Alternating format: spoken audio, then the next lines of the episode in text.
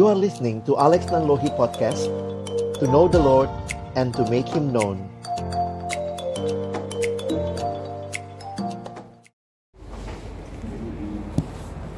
Mari kita berdoa. Tuhan kami sungguh bersyukur kesempatan ini Engkau berikan kepada kami di hari perhentianmu Untuk sama-sama memuji memuliakan namamu. Tiba waktunya bagi kami untuk membuka firmanmu. Kami mohon ya Tuhan bukalah juga hati kami Jadikanlah hati kami seperti tanah yang baik Supaya ketika benih firman Tuhan ditaburkan Boleh sungguh-sungguh berakar Bertumbuh dan juga berbuah nyata di dalam hidup kami. Berkati baik hambamu yang menyampaikan Setiap kami yang mendengar Tuhan tolonglah kami semua Agar kami bukan hanya jadi pendengar-pendengar firman yang setia Tapi mampukan dengan kuasa dari rohmu yang kudus Kami dimampukan menjadi pelaku-pelaku firmanmu Di dalam kehidupan kami Bersabdalah ya Tuhan Kami umatmu sedia mendengarnya Di dalam satu nama yang kudus Nama yang berkuasa Nama Tuhan kami Yesus Kristus Kami menyerahkan pemberitaan firmanmu Amin Silakan duduk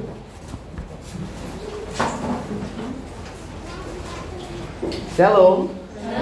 Selamat hari Minggu teman-teman. Kita bersyukur kesempatan ini Tuhan berikan buat kita. Dan hari ini kita akan melihat tema yang diberikan kepada kita.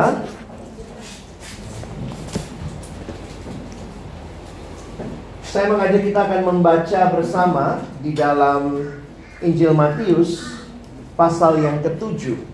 Mari lihat sebentar Injil Matius pasal yang ketujuh kita akan membaca ayat yang ke-15 sampai dengan ayat yang ke-23.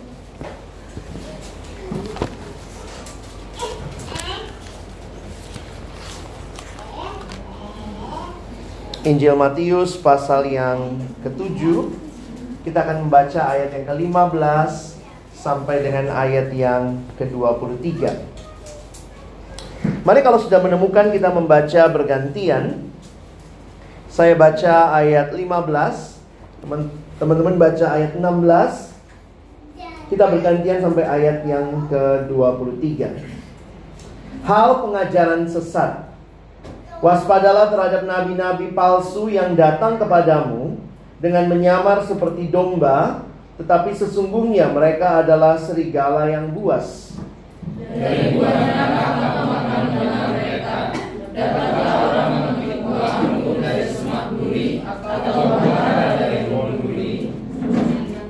Demikianlah setiap pohon yang baik menghasilkan buah yang baik, sedang pohon yang tidak baik menghasilkan buah yang tidak baik. Tidak mungkin pohon yang baik itu menghasilkan buah yang tidak baik Ataupun pohon yang tidak baik itu menghasilkan buah yang baik Dan setiap pohon yang tidak menghasilkan buah yang baik pasti ditebang dan dibuang ke dalam api. Jadi dari buahnya lah kamu akan mengenal mereka Bukan setiap orang yang berseru kepadaku, Tuhan, Tuhan,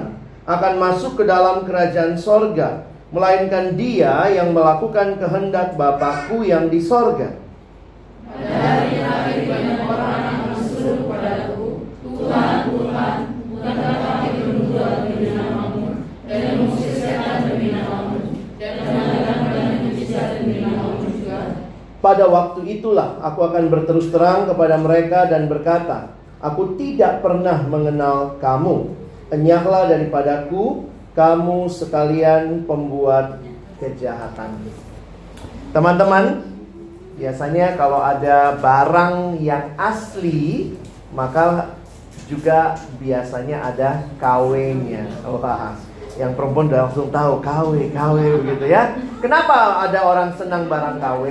Karena mau kualitas atau mau penampilan seperti aslinya dengan harga yang jauh lebih. Jadi kadang-kadang kalau kita bicara tentang barang baik yang palsu ataupun mungkin yang asli KW pun ada tingkatannya ya. KW nomor berapa begitu ya. Dan ketika kita bicara juga hari ini dari apa yang Yesus sampaikan, ada bahaya kepalsuan yang Tuhan ingatkan. Matius pasal 5 sampai Matius pasal yang ketujuh adalah khotbah di bukit. Kalau teman-teman perhatikan dari pasal yang kelima ketika ayat pertama kita lihat sebentar ketika Yesus melihat orang banyak itu naiklah ia ke atas bukit dan setelah ia duduk datanglah murid-muridnya kepadanya. Jadi waktu KMSBS kemarin juga bagian ini yang dibahas.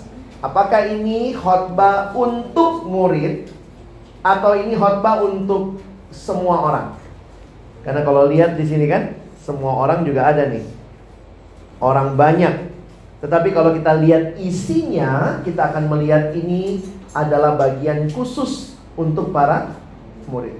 Kenapa? Tuntutan yang Yesus berikan menunjukkan bahwa itu hanya mungkin dicapai atau dilakukan oleh orang yang sudah terlebih dahulu jadi jadi murid. Karena itu kalau saudara teman-teman perhatikan di dalam bagian ini Yesus memberikan pengajaran yang begitu banyak. Beberapa penafsir Alkitab mengkaitkan ini dengan karakter murid seperti apa yang Tuhan kehendaki. Lalu kemudian Tuhan menjelaskan bagaimana kehadirannya, kedatangannya menggenapkan hukum Taurat. Teman-teman bisa lihat itu di dalam pasal yang kelima ayat 17 sampai yang ke bawahnya. Lalu kemudian Yesus memberikan pengajaran berkaitan dengan pasal 6, hal memberi sedekah hal berdoa, hal berpuasa, hal mengumpulkan harta, hal kekhawatiran. Pasal 7 hal menghakimi, hal yang kudus dan berharga, hal pengabulan doa, jalan yang benar, hal pengajaran sesat. Nah, itu bagian kita. Jadi ini merupakan peringatan pertama kalau kita perhatikan di dalam Injil Matius berkaitan dengan pengajar-pengajar sesat. Nanti kita menemukan lagi di bagian pasal 24. Yesus juga bicara soal hati-hati dengan penyesat. Jadi karena itu saya ingin menempatkan konteks khotbah ini di tengah-tengah kita hidup saat ini apa sih yang harusnya juga kita waspadai ya saya menyiapkan slide ini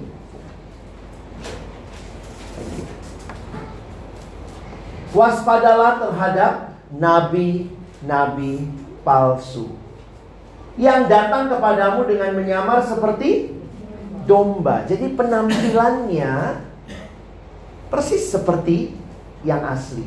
Tapi sesungguhnya mereka adalah serigala yang buas.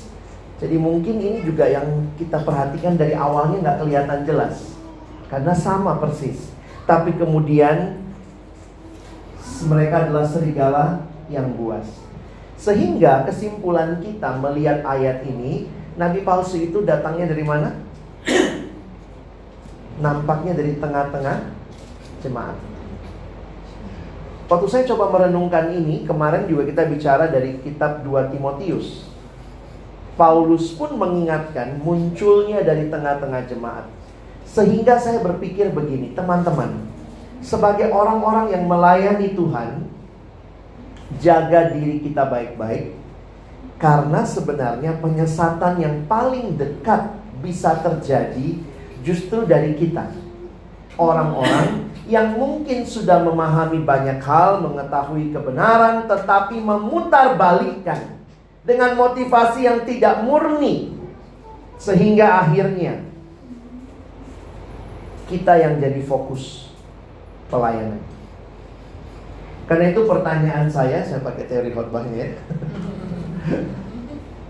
ini jadi pertanyaan juga dari tadi pagi mikir ini pengajar atau pengajaran ya. Karena ini terkait sekali. Apa ciri pengajar atau pengajaran yang benar? Dan ini akan membedakan dengan apa yang tidak benar. Saya coba kaitkan dengan kehadiran kita sebagai orang-orang yang melayani Tuhan dan ingin memberi yang terbaik kepada Tuhan, maka marilah kita belajar jadi pengajar yang benar. Di dalam bagian ini, teman-teman lihat paragrafnya ada berapa paragraf? Kalau Alkitab cetak, kalian lihat ada dua paragraf. Saya coba melihat dua paragraf ini dan mencoba mengambil komplemennya dari situ gitu ya. Ini kalau udah ketahuan teorinya udah bingung khotbahnya. Nanti kan semua mana subjeknya? Subjek. Oh, komplemennya yang mana? Mari perhatikan sebentar ayat 16 sampai ayat yang ke-20. Sebenarnya unik sekali memperhatikan kenapa juga di banyak bagian Alkitab ini dijadikan satu paragraf sendiri. Karena teman-teman perhatikan ayat 16 diulang di ayat 20. Ya.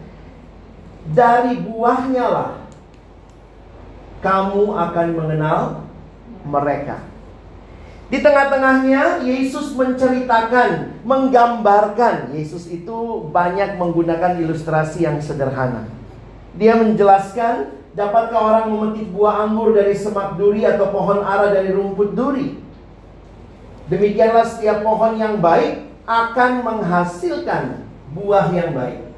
Sedang pohon yang tidak baik menghasilkan buah yang tidak baik. Dan inilah yang kita perhatikan. Tidak mungkin pohon yang baik menghasilkan buah yang tidak baik ataupun demikian sebaliknya ya. Dan setiap pohon yang tidak menghasilkan buah yang baik pasti ditebang dan dibuang ke dalam api. Saya mencoba mengajak kita melihat dari penjelasan Yesus ini. Apa yang sebenarnya Yesus sedang sampaikan Ketika kita melihat bagaimana atau apa yang menjadi ciri pengajar yang benar maka pengajar yang benar itu bisa diperhatikan dari relasinya dengan sesama. Dan ini yang saya coba tuliskan. Apa yang dia ajarkan itu mewujud nyata di dalam kehidupannya. Saya pikir ini satu bagian yang penting untuk kita perhatikan bahwa kita kenal pohonnya dari apa yang jadi buahnya. Karena itu waktu kemarin membuat list hamba-hamba Tuhan yang kalian pikirkan, yang kalian anggap bagus khotbahnya. Saya menarik juga memperhatikan teman-teman menggarisbawahi pentingnya hidupnya di luar daripada dia berkhotbah. Kehidupan yang bukan hanya menjelaskan dengan jelas firman Tuhan, tetapi kehidupan yang benar-benar menghidupi firman. Jadi pengajar yang benar atau pengajaran yang benar sebenarnya terkait dengan kehadiran kita dalam hidup sehari-hari. Jangan cuma kudus hari Minggu, teman-teman. Jangan cuma kudus kalau lagi mau sampaikan firman. Kalau dapat tugas pelayanan cuma mendadak kudus saat diper, diperutin, bikin jadi dua kali. Hari biasa dilewati dua hari. Jadi banyak orang yang tiba-tiba mendadak kudus karena mau pelayanan. Saya melihat jaga diri kita baik-baik. Sebagai pengajar yang benar, pengajaranmu akan di apa istilahnya ya, akan dilegitimasi, akan diotorisasi oleh hidupmu. Dan inilah yang penting untuk teman-teman dan saya ingat sebagai orang-orang yang mengajar dengan pengajaran yang baik. Pengajaran yang baik juga lahir dalam hati yang murni, hati yang tulus, dan kemudian itu yang orang bisa lihat. Jadi bukan pura-pura ya. Saya ingat ini ilustrasi. Tadi penjelasan firman ya. ya, saya mungkin khotbahnya jadi 10 menit nih ya, ikutin teori kan.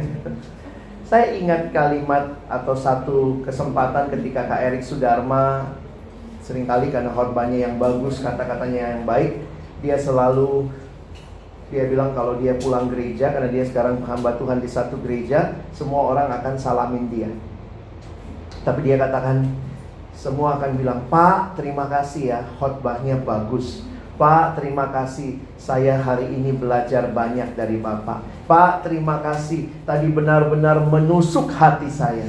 Tapi kemudian dia katakan, yang paling saya tunggu adalah ketika istri saya datang lewat dan salamin saya di hari Minggu itu dan berkata, "Terima kasih Papi, khotbahnya." Mami lihat itu dalam hidup Papi sehari-hari. Khotbah yang bagus bukan kata-kata yang indah saja. Tetapi betul-betul mewujud nyata di dalam hidup sehari-hari. Setiap kali saya ingat kalimat itu saya terharu. Terima kasih Papi untuk khotbahnya. Mami lihat itu dalam hidup Papi sehari-hari. Jangan menjadi orang yang cuma jual obat teman-teman. Jual obat itu ya kayak kemarin ya. Bilang ini obat penumbuh rambut yang jual botak. kayak filmnya Dono Indro Kasino zaman dulu ya. Begitu dia jual obat atau angin terbang, wah ternyata dia pakai wig ketutupan begitu. Pengajaran yang benar, pengajar yang benar, hidupnya menyatu dengan firman yang dia sampaikan. Sehingga Yesus berkata dari buahnya kau tahu ini pohon apa. Kalau buahnya jelek, ah ini pohon yang jelek. Kalau buahnya baik, ini pohon yang baik. Yang kedua, paragraf kedua, Yesus bicara lagi hal ini bukan setiap orang yang berseru kepadaku Tuhan, Tuhan yang akan masuk ke dalam kerajaan sorga melainkan dia yang melakukan kehendak Bapakku yang di sorga. Teman-teman, apakah Yesus mengajarkan bahwa keselamatan itu karena melakukan? Saya pikir tidak. Ketika Yesus bicara tentang pengajar yang palsu, dia mengatakan waspadalah, buka matamu lebar-lebar, maka dia mengingatkan mereka bahwa orang-orang seperti itu mungkin ada di sekitar jemaat, di sekitar para murid dan bahkan perhatikan. Kalau nyebut Tuhan itu Tuhan, berarti mereka murid dong. Tapi lihat lagi, mereka menubuat demi namanya, mengusir setan demi namamu, mengadakan banyak mujizat demi namamu juga. Ini jadi pertanyaan bagi saya. Lalu orang-orang seperti ini yang melayani, yang begitu rupa memberi diri bahkan sudah mengusir setan begitu ya. Tapi kalimat Yesus, aku nggak kenal kamu. Paling sedih gitu ya, kita ngerasa dikenal orang itu terus orang itu nggak kenal. Pernah nggak gitu salaman? Halo, apa kabar? Siapa ya? Hidup sedih banget itu ya. Perasaan kayak waduh. Saya makanya udah nggak mau SKSD ya. Pertama, saya makin tua, ketemu mahasiswa makin banyak, ketemu alumni makin banyak. Saya mulai jarang tanya nama. Kenapa? Kalau saya tanya nama pun berusaha inget, nggak nggak gampang ingetnya gitu ya. Jadi bilang aja, halo dek, aku tahu mukamu, tapi aku nggak tahu namamu, gitu aja lah ya. Jadi memang uh, beberapa kali karena ya kemampuan mengingat nama juga nggak nggak mudah begitu ya. Makin tua, saya ingat dulu ada mahasiswa saya bilang, halo Carlos, saya Adri kak, gitu ya. Salah ya, oh SKSD banget gitu ya. Itu pas penerimaan mahasiswa baru lagi. Saya sok kenal karena saya ingat ini kayaknya si Carlos itu. Halo Carlos, saya Adri baru Carlosnya di sana. nah, perhatikan penjelasan yang disampaikan saya buat warnanya sedikit berbeda. Melainkan dia yang melakukan kehendak Bapakku. Siapa sih orang yang melakukan kehendak Bapak? Orang yang melakukan kehendak Bapa bukan berarti Yesus mengajarkan kalau kamu mau masuk surga, kamu harus melakukan kehendak Bapa. Tapi perhatikan, saya kaitkan dengan ayat ini. Orang yang melakukan kehendak Bapa adalah orang yang mengenal Bapa dan dikenal Bapa. Jadi batu ujian yang kedua, kalau kita mau bertanya, apa ciri dari pengajar atau pengajaran yang benar? Maka ini kaitannya tadi dengan siapa? Se sesama. Yang kedua dengan dengan Tuhan. Orang yang benar pengajarannya atau disebut pengajar yang benar adalah orang yang berpusat pada relasi yang hidup dengan Kristus. Relasi yang di dalamnya dia mengenal Kristus. Dan itu tidak bisa digantikan hanya sekadar dengan sesuatu yang dilakukan demi Kristus. Saya ulangi. Melakukan sesuatu demi Kristus bukan jaminan kamu sungguh-sungguh mengenal dia. Tapi sebaliknya, kalau kamu sungguh-sungguh mengenal dia, maka kau akan memberikan yang terbaik kepadanya.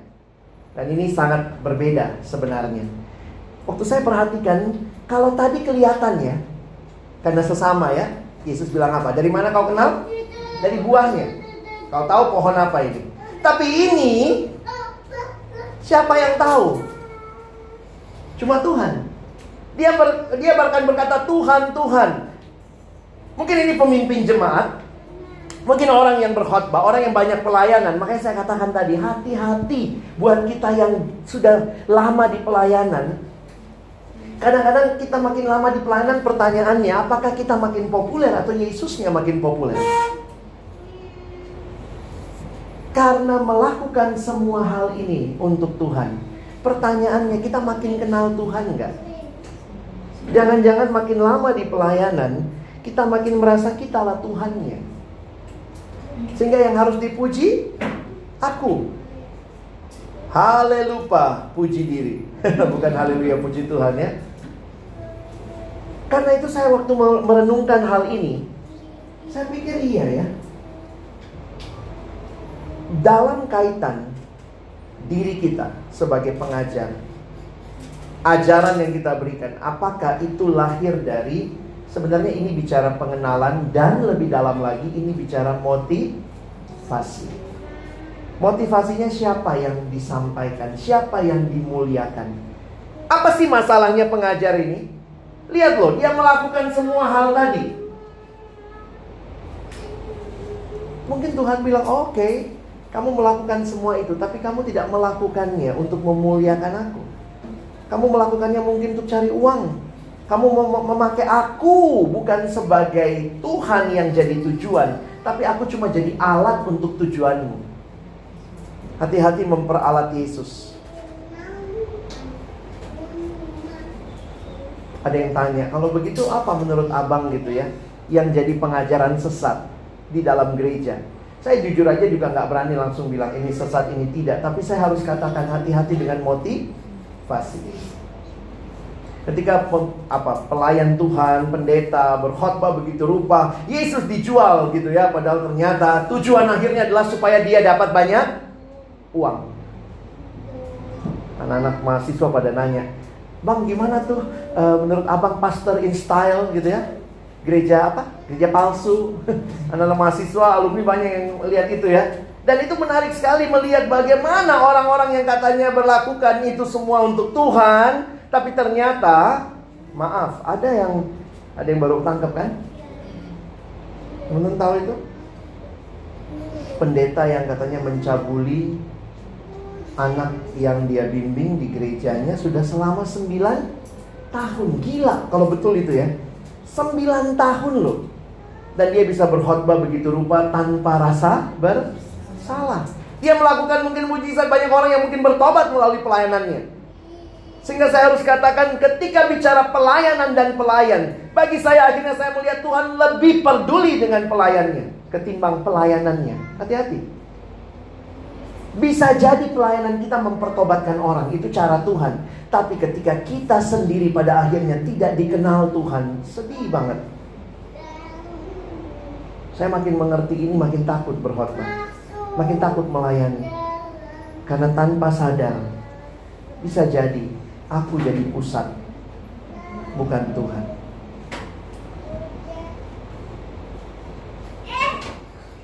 Jadi kalau kita simpulkan, teman-teman, apa ciri pengajar atau pengajaran yang benar? Yang pertama adalah itu mewujud nyata dalam kehidupan dan itu berpusat pada relasi yang hidup dengan Kristus. Dan ketika ini kita miliki karakter apa yang harusnya di, dimiliki oleh pelayan Tuhan. Saya simpulkan begini. Dalam kaitan dengan sesama itu mewujud nyata dalam kehidupan berarti dia hidup dengan integritas, punya integritas. Dalam kaitan dengan Tuhan. Dia berpusat pada relasi yang hidup dengan Kristus. Maka ini bicara relationship. Jaga baik-baik relasi kita dengan Tuhan. Kalau kita mau terus dipakai Tuhan. Dan di sisi yang lain, teruslah miliki integritas. Integritas itu apa? Integritas itu kesatuan antara apa yang kita ucapkan dengan apa yang kita hidupi. Makanya balik lagi ya. Khotbah terbaikmu yang mana? Kadang-kadang kalau udah sering khotbah kita bilang ini bagus banget khotbahku yang pas itu ya. Tapi itu terbaik kenapa? Karena banyak yang nangis. Atau karena kau nangis. Atau karena orang ter Wow hebat banget khotbah baru pertama kali aku dengar penggalian kayak begini Ataukah karena kau katakan Tuhan terima kasih Saya hidupi khotbah ini Kita tutup dengan satu ayat Di dalam 1 Timotius 4 Ayat 16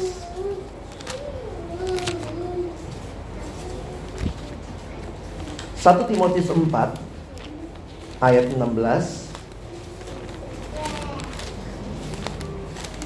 Lihat judulnya. Apa?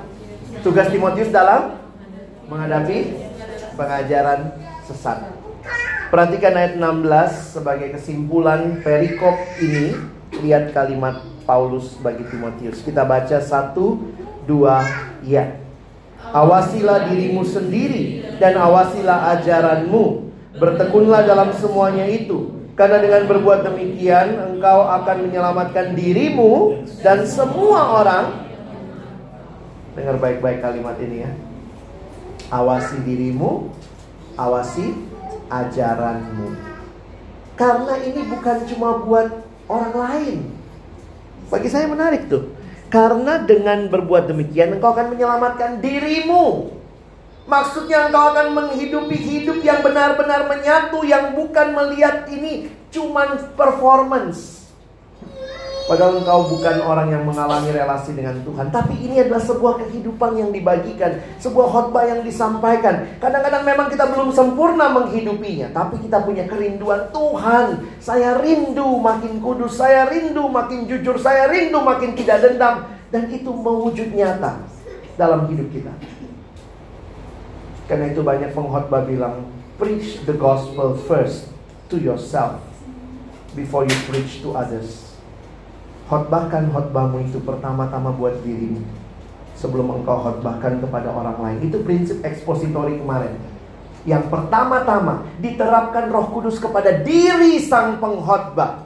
Baca lagi kemarin itu ya. Lalu kemudian juga disampaikan kepada orang lain. Saya tidak mau pulang kita dari sini hanya dapat teknik, hanya dapat cara, hanya dapat sistematika, tapi kita pulang dengan betul-betul menjadi pengajar-pengajar yang benar karena kita punya integritas, kita punya relasi. Paulus ingatkan kepada Timotius dua hal ini. Pertama, kalau teman-teman perhatikan, awasilah dirimu sendiri. Jadi ini berarti awasi hidupmu Dulu ini tema ulang tahun Perkantas Nasional ke-25 Dulu ada bajunya gitu keluar ya. Awasi dirimu, awasi ajaranmu. Awasi diri itu berkaitan dengan hidup baik. Kita harus hidup baik Dilihat orang baik karena memang kita baik. Dialami dan dihidupi. Hidup yang uh, awasi hidup uh, dirimu sendiri itu kaitan hidup baik. Sementara awasi ajaranmu itu kaitan hidup benar. Jadi orang Kristen harus punya dua hidup ini. Hidup yang baik dan hidup yang benar. Dan ini menyatu. Kalau dia hidupnya benar, berarti ajarannya benar, maka dia akan keluar dalam perilakunya. Nah, ini kesimpulan terakhir saya. Pentingnya kesatuan kata dan laku integritas yang lahir dari relasi yang hidup dengan Kristus. Sehingga gagasan lengkap saya pagi ini apa ciri pengajar yang benar? Apa ciri pengajaran yang benar? Pengajaran yang benar adalah pengajaran yang lahir yang punya integritas yang lahir dari relasi yang hidup dengan Kristus. Pertanyaannya apakah kita memiliki hal ini? Mari kita jawab bukan hanya hari ini, tapi jawablah dalam kesetiaan terus melayani Tuhan dengan penuh integritas dan penuh relasi yang hidup dengan Tuhan. Amin. Mari kita berdoa.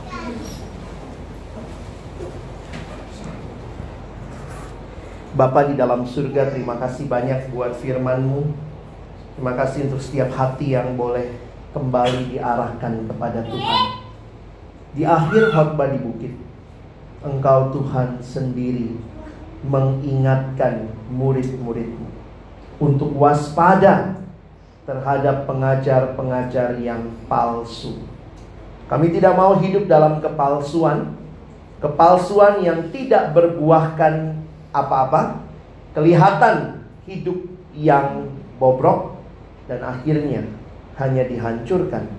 Kami mau belajar hidup di dalam kebenaran karena kami telah dibenarkan. Kami telah ditebus, kami telah mengalami karya Kristus yang indah. Dan kami juga mau hidup di dalam pengenalan akan Engkau yang semakin hari semakin dalam. Pengenalan yang membuahkan hidup yang baik. Pengenalan yang membuahkan satu integritas, kesatuan kata dan laku. Hamba berdoa bagi saudara-saudaraku, kami semua yang rindu melayani Tuhan, rindu memberitakan Injil, rindu memberitakan firman. Biarlah hidup kami benar-benar berpusatkan kepada Kristus. Itulah hidup yang harusnya kami miliki. Terima kasih. Tolong kami bukan cuma jadi pendengar firman, mampukan kami jadi pelaku pelaku firman-Mu dalam nama Yesus kami berdoa. Amin.